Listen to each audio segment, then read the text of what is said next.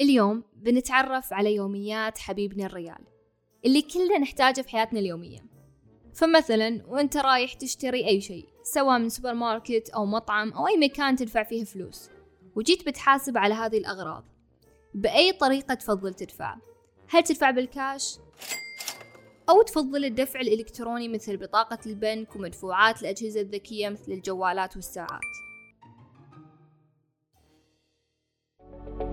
هذا البودكاست من إنتاج محتويز.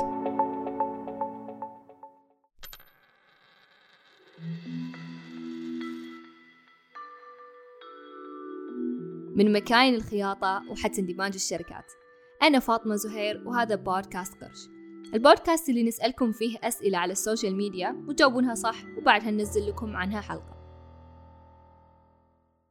قبل فترة بس نشرنا استفتاء على تويتر في حساب محتوايز وقلنا فيه هل تدفع كاش أو بطاقة؟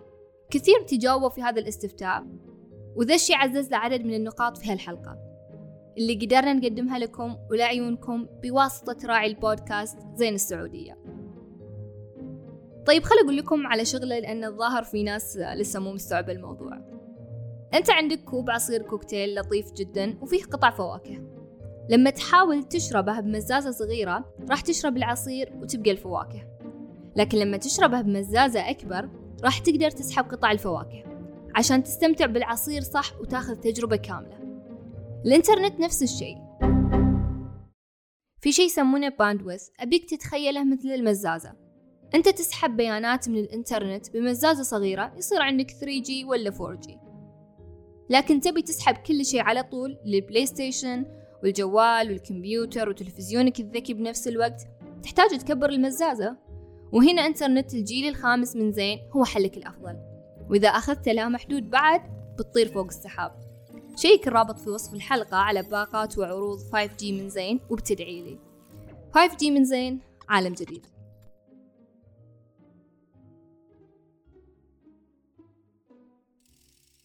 في حلقتنا اليوم بنحاول نجاوب على أسئلة مهمة تخص حياة حبيبنا الريال وهي هل تختلف طرق الدفع بالرغم من أنها تؤدي إلى نفس النتيجة واللي هي حرق فلوسك؟ وكيف تأثيرها على اقتصادنا؟ طبعا في نوعين من الريال راح نتكلم عنهم في هالحلقة. الدفع الإلكتروني واللي يكون باستخدام نقود إلكترونية يعني خلينا نسميه الريال الإلكتروني. والدفع بالكاش بيكون باستخدام الريال الورقي. طيب ريال إلكتروني وريال ورقي إيش الفرق؟ الفرق بينهم هو المسؤول عن إصدار النقود الورقية وطباعتها وتحديد سعر فائدتها المسؤول هنا طبعا هو البنك المركزي ليه البنك المركزي هو المسؤول؟ هنا نحتاج نرجع خطوة لورا ليه نحتاج البنك المركزي أو مؤسسة النقد من البداية؟ مؤسسة النقد تشتغل بشكل دائم على الحفاظ على مستويات النمو الاقتصادي وبنفس الوقت تحافظ على السوق نفسه عشان ما يطيح ويفشل. طيب كيف البنك المركزي يتحكم في السوق عشان يحافظ على السوق؟ الإجابة هي يتحكم في الفلوس. زين إيش يسوي البنك المركزي؟ البنك المركزي يشتغل مثل عمك يوم العيد. والشعب وعامة الناس هم عيال أخوك الكتاكيت اللي أنت عمهم. إذا عمك دس مشوار بك ذا العيد ودفك بوحدة زرقاء واللي هي الخمسمية فأنت بتصير كريم على عيال أخوك وتدفهم من الخضر واللي هم الخمسينات.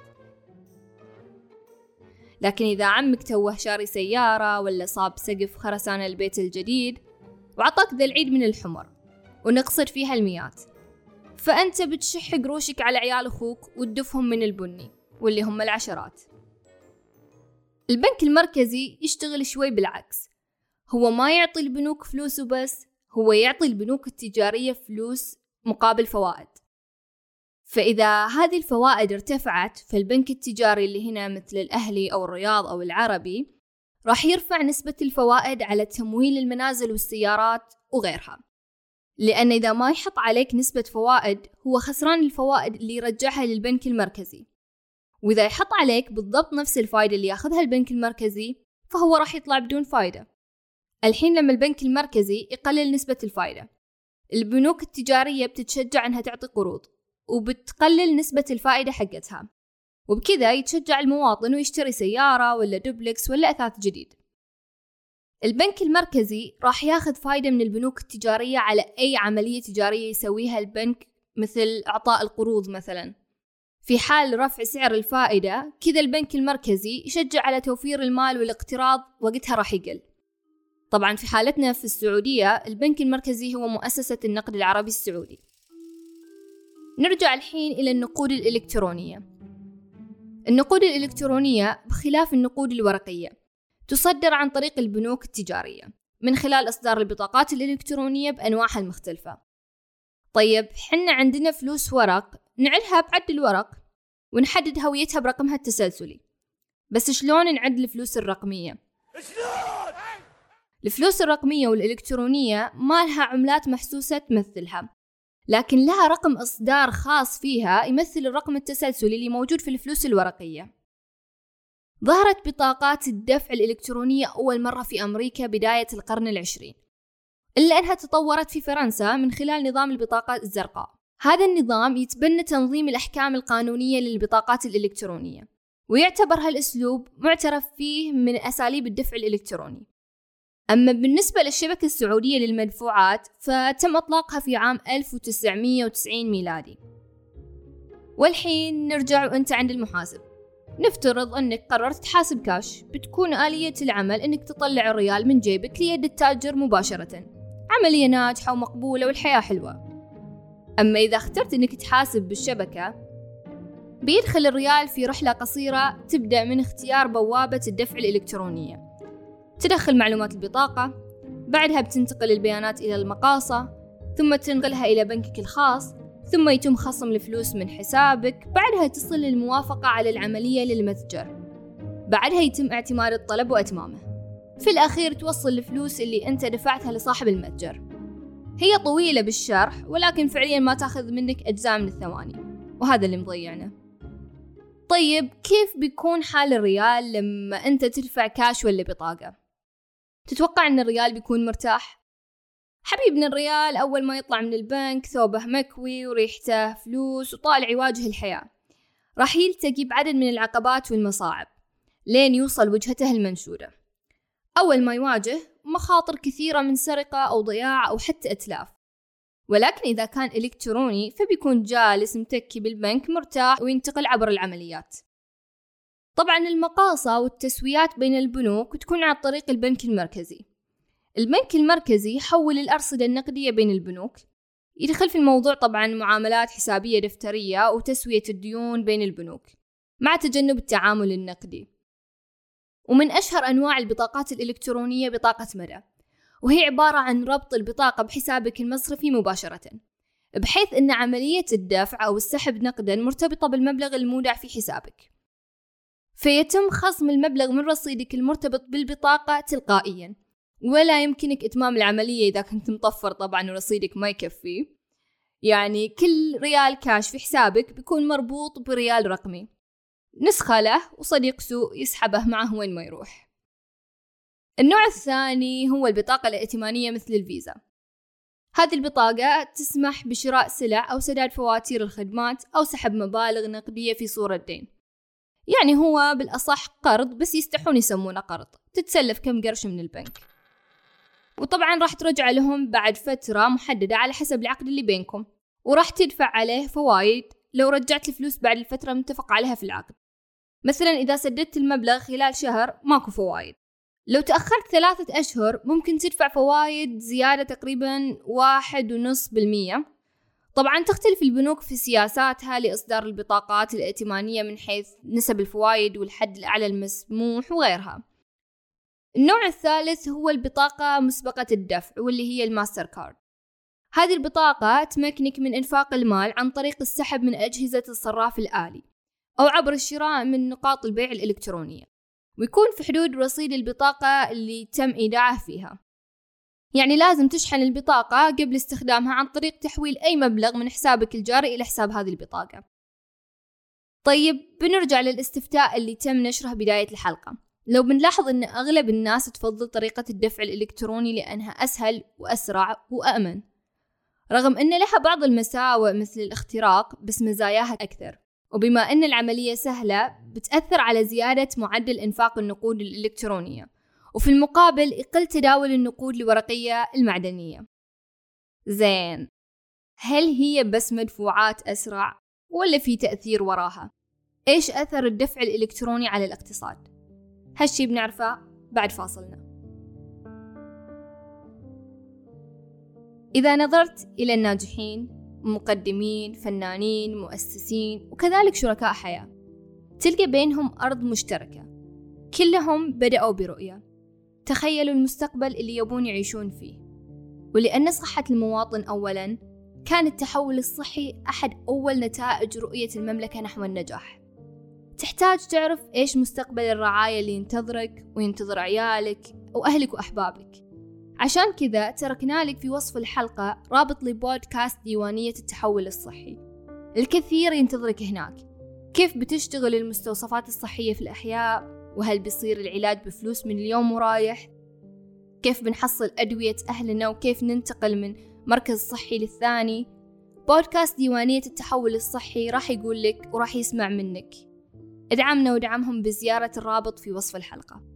دائما تبدأ قصص النجاح برؤية وأنجح الرؤى هي اللي بنيت على مركز قوة. نرجع لحلقتنا والأثر الاقتصادي. الدفع الإلكتروني يأثر على متغيرين واللي هم الإنفاق الاستهلاكي والناتج القومي الإجمالي.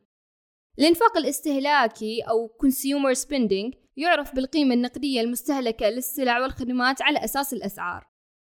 أما الناتج القومي الإجمالي أو Gross Domestic Product مختصرة في كلمة GDP هو مؤشر اقتصادي يقيس القيمة النقدية لإجمالي السلع والخدمات اللي أنتجت داخل حدود جغرافية خلال مدة زمنية معينة. الحين نرجع لتحليلنا إذا تم استخدام 10% من الإنفاق الاستهلاكي باستخدام الطرق الإلكترونية للدفع راح تؤدي إلى زيادة الناتج القومي الإجمالي بمعدل 1% وهذا يعطينا الأثر الإيجابي على الاقتصاد مجملا. ليش؟ لأن لها تأثير مباشر على انخفاض تكلفة طباعة النقود وبالتالي تقل مصروفات نقل النقود وطباعة بدل تالف وغيرها تذكرون الريال المكوي اللي طلع من الطابعة؟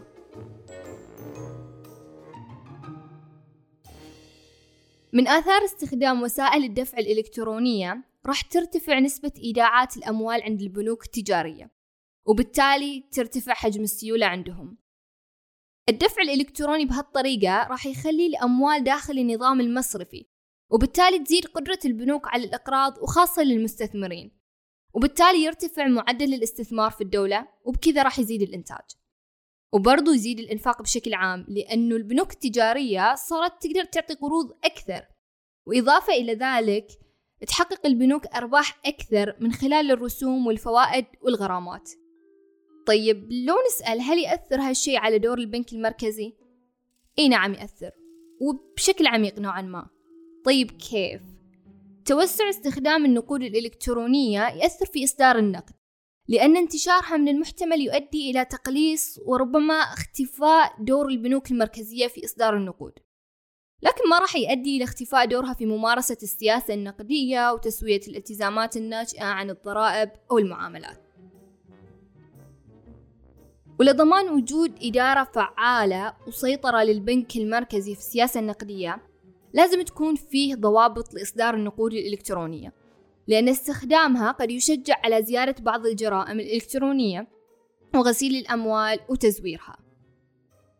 ومن وقت إطلاق الشبكة السعودية للمدفوعات والشبكة تسجل تطور ملموس وتعزيز متواصل لرفع جودة خدماتها بما يتواكب مع أحدث أنظمة الدفع المعمول بها عالمياً.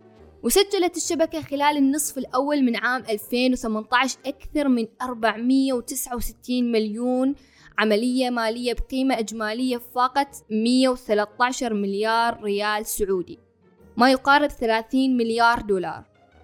بنمو في عدد العمليات تبلغ نسبته 41% مقارنة بالنصف الأول من عام 2017 كل هذا من خلال أكثر من 18 ألف جهاز صراف آلي. وما يزيد عن 324 ألف جهاز نقطة بيع تنتشر في مختلف أنحاء العالم ماذا عن المستقبل؟ لاحظنا بالسنوات الأخيرة تبني المملكة لأحدث التقنيات لأداء أغلب وظائفها الحكومية من خلال المواقع الإلكترونية والتطبيقات للأجهزة الذكية ولأنها حكومة واعية بأثر التطور والتكنولوجيا الإيجابي في الاقتصاد فهي حريصة على أنها توفر أساليب الدفع الإلكتروني لسداد مستحقاتها مثل تسديد فواتير المياه والكهرباء والغرامات والمخالفات وغيرها كثير من الأشياء. وأكثر من كذا قامت وزارة التجارة بإلزام جميع المحال التجارية بتوفير شبكة دفع إلكترونية في جميع القطاعات. اتجاه المملكة في تطبيق أحدث التقنيات في المعاملات التجارية وغيرها أحد أهم الأشياء اللي بتساعد الحكومة في تحقيق الرؤية الطموحة رؤية 2030 قام على إعداد نص الحلقة منار الفالح وبعد أن تمت سرقة المايك من حسين علي كانت معاكم في التقديم صديقتكم فاطمة زهير. بودكاست قرش هو أحد منتجات شبكة محتوايز اسمعوا الحلقات الجاية اشتركوا في البودكاست وشاركونا رأيكم واقتراحاتكم على أبل بودكاست أو على حساب محتوايز في تويتر. وكونوا بخير.